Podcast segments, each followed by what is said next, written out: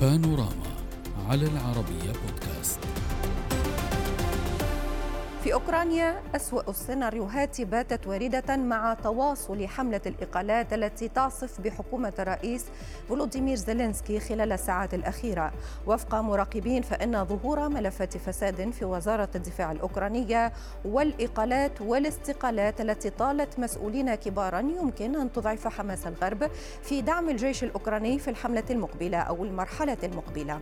خصوصا وأن زيلينسكي قال بأنه لن يتم التغاضي عن الفساد الذي يمثل مشكلة مزمنة بحسب قوله في البلاد وتعهد باتخاذ قرارات رئيسية بشأن القضاء عليه هذا الأسبوع في خطوة لاستمالة الغرب في مواصلة دعم كييف بالسلاح.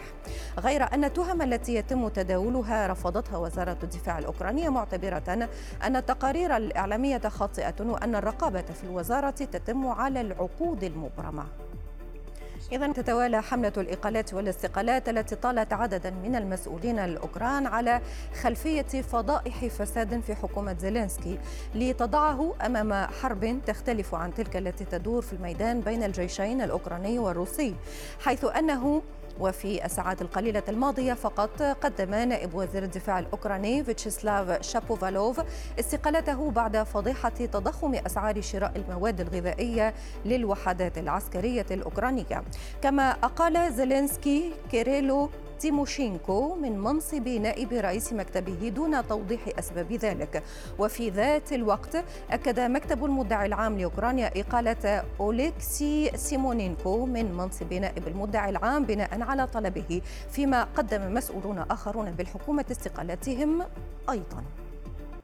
نناقش هذا الملف مع ضيوفنا من جنيف عبر سكايب ناصر زهير المحلل السياسي ومن كييف فولوديمير شوماكوف الدبلوماسي السابق الأوكراني. طبعا أهلا بكم ضيوفي الكرام واسمحوا لي أن أبدأ من كييف معك سيد فولوديمير. في الواقع جدل كبير ليس فقط في الأوساط المتابعة لهذه التطورات وهذه الإقالات والاستقالات ولكن حتى في الداخل الأوكراني. وزارة الدفاع وكأنها انحرجت من نشر كل هذه المعلومات. المعلومات وهي تقول بأن هذه التقارير ستؤثر على دعم الغرب لكييف. هل تعتقد بأن وزارة الدفاع قد تصدق قراءتها وبأن الغرب قد يتساءل ألف مرة مستقبلا قبل دعم كييف بالأسلحة؟ السلام عليكم ورحمة الله وبركاته. هو تحية التائبة من أوكرانيا. بصراحة الأمر فساد. هذه مسألة المؤلمة جدا هنا في مجتمع أوكرانيا وخاصة في أيام حرب وخاصة الآن عندما كثير من الأوكران يتبرعون مبالغ كبيرة لدعم الجيش الأوكراني وهذه فضيحة كمان أكيد هي ليست على مصلحة الأوكرانيا وهذا إضرار للسمعة الأوكرانية. ولكن مهم بأن هنا موجود رد الفعل السريع من قبل السيد زيلينسكي وأيضا من نيابة العامة الأوكرانية التي رفعت قضية حول من الممكن حول حول فساد المحتمل. أو كمان نحن هنا نطرح السؤال ممكن هذه كمان الابتزاز من جانب روسيا أو دعاية من جانب روسيا الآن في أيام حرب روسيا كمان تهتم بأن سوف تكون انقطاع الأسلحة من من أوكرانيا من غرب لأوكرانيا. يعني ولكن سيد شوماكوف سيحق لها كذلك روسيا بان تطرح هكذا ملف. يعني الأوكران قدموا هدية ثمينة لروسيا وستتعامل كذلك بهذا الملف وستطرحه على طاولة الغرب. كيف ترى الموضوع أستاذ زهير؟ هل يمكن للغرب أن يتردد مستقبلا إذا صح التعبير في الاستمرار بمساندة كييف بالنسق الذي كان عليه من قبل؟ تحياتي للجميع.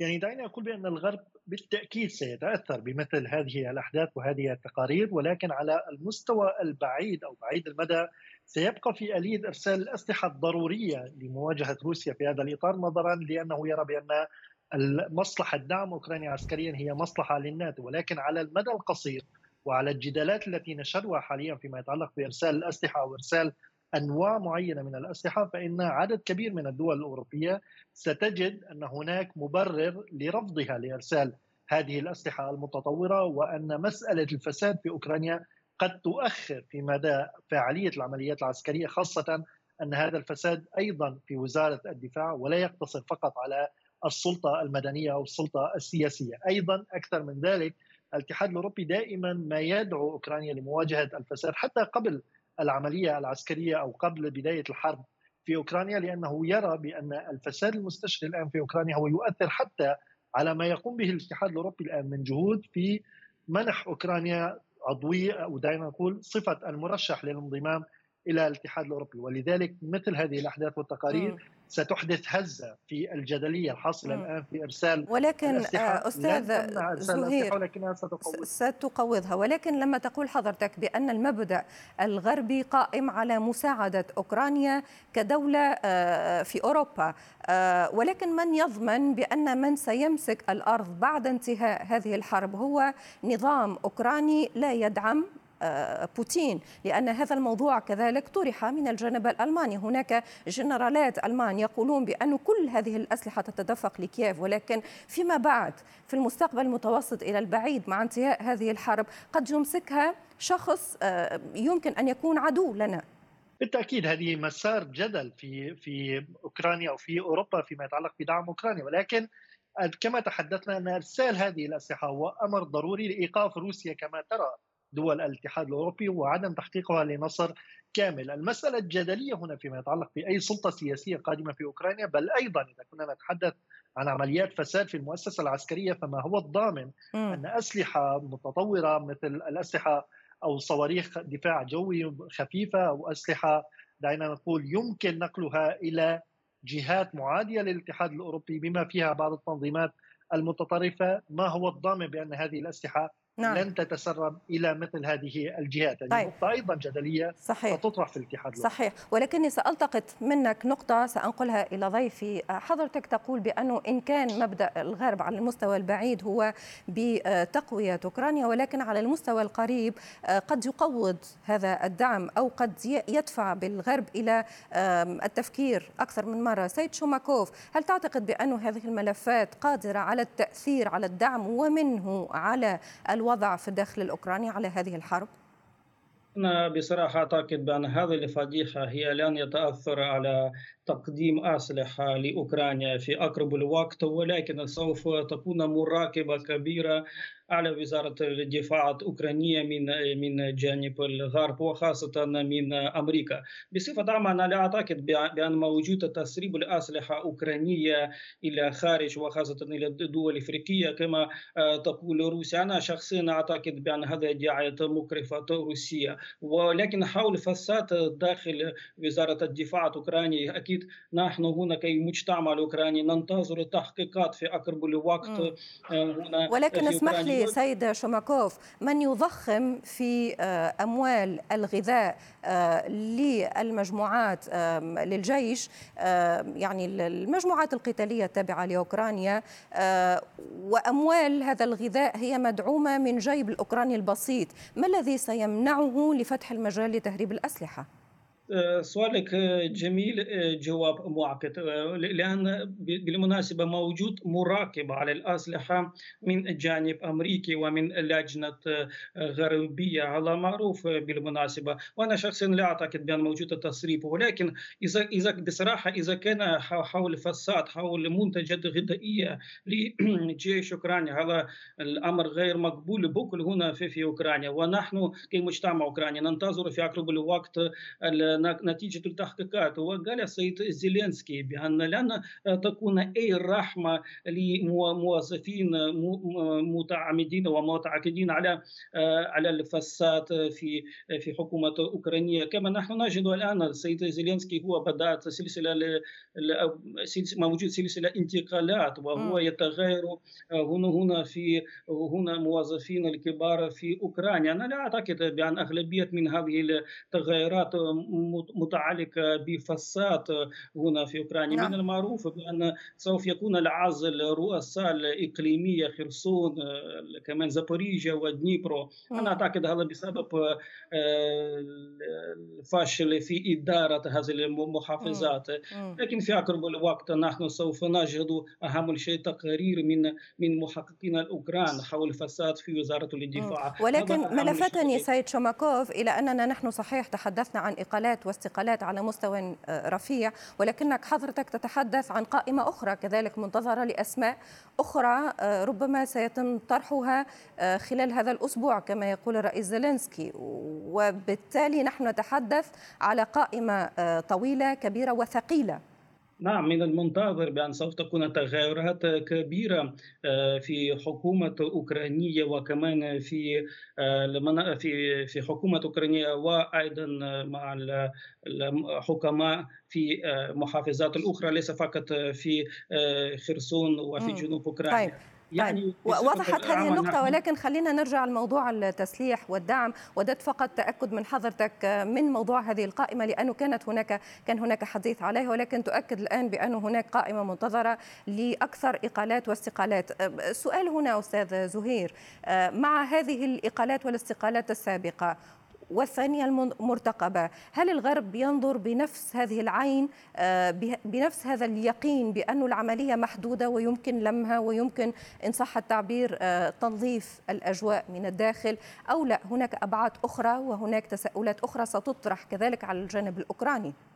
لا أعتقد أن هناك أبعاد أخرى وتساؤلات كبيرة ستطرح على الجانب الأوكراني خاصة أن المسألة تمس وزارة الدفاع وهذه نقطة جدلية كبيرة بالنسبة للغرب على مسارين.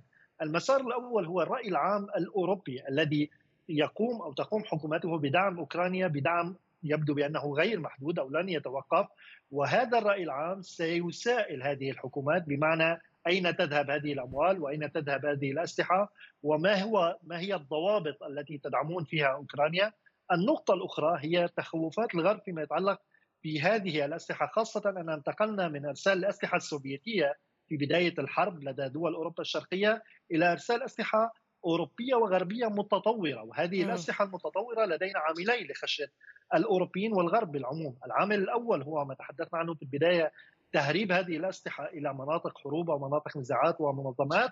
والنقطة الأخرى أيضا هي أن يكون هناك اطلاع لروسيا على تقنيات هذه الأسلحة بشكل أو بآخر. هذا موضوع تتحدث عن آه، ليوبارد وتتحدث عن ابرامز حتى آه، بعد حديث ألمانيا عن أنها ربما منظومات الدفاع الجوي. آه، منظومات الدفاع الجوي. حتى بعد كلام ألمانيا بأنها يمكن أن تمكن بولندا من تقديم دبابات ليوبارد. تعتقد بأنه قد تتراجع بعد كمية هذه الإقالات والاستقالات أستاذ زهير؟ لا أعتقد بأنها ستتراجع بشكل أو بآخر ولكن سيكون عليها ضغط كبير يعني إذا ما تحدثنا.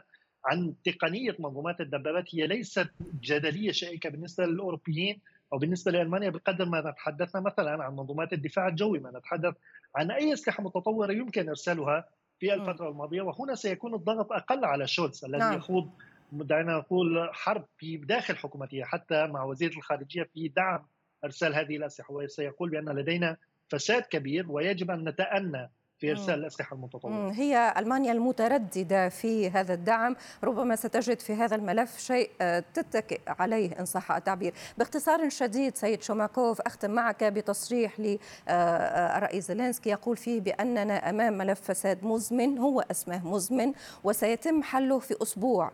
آه، كيف؟ هل هو تصريح دعائي؟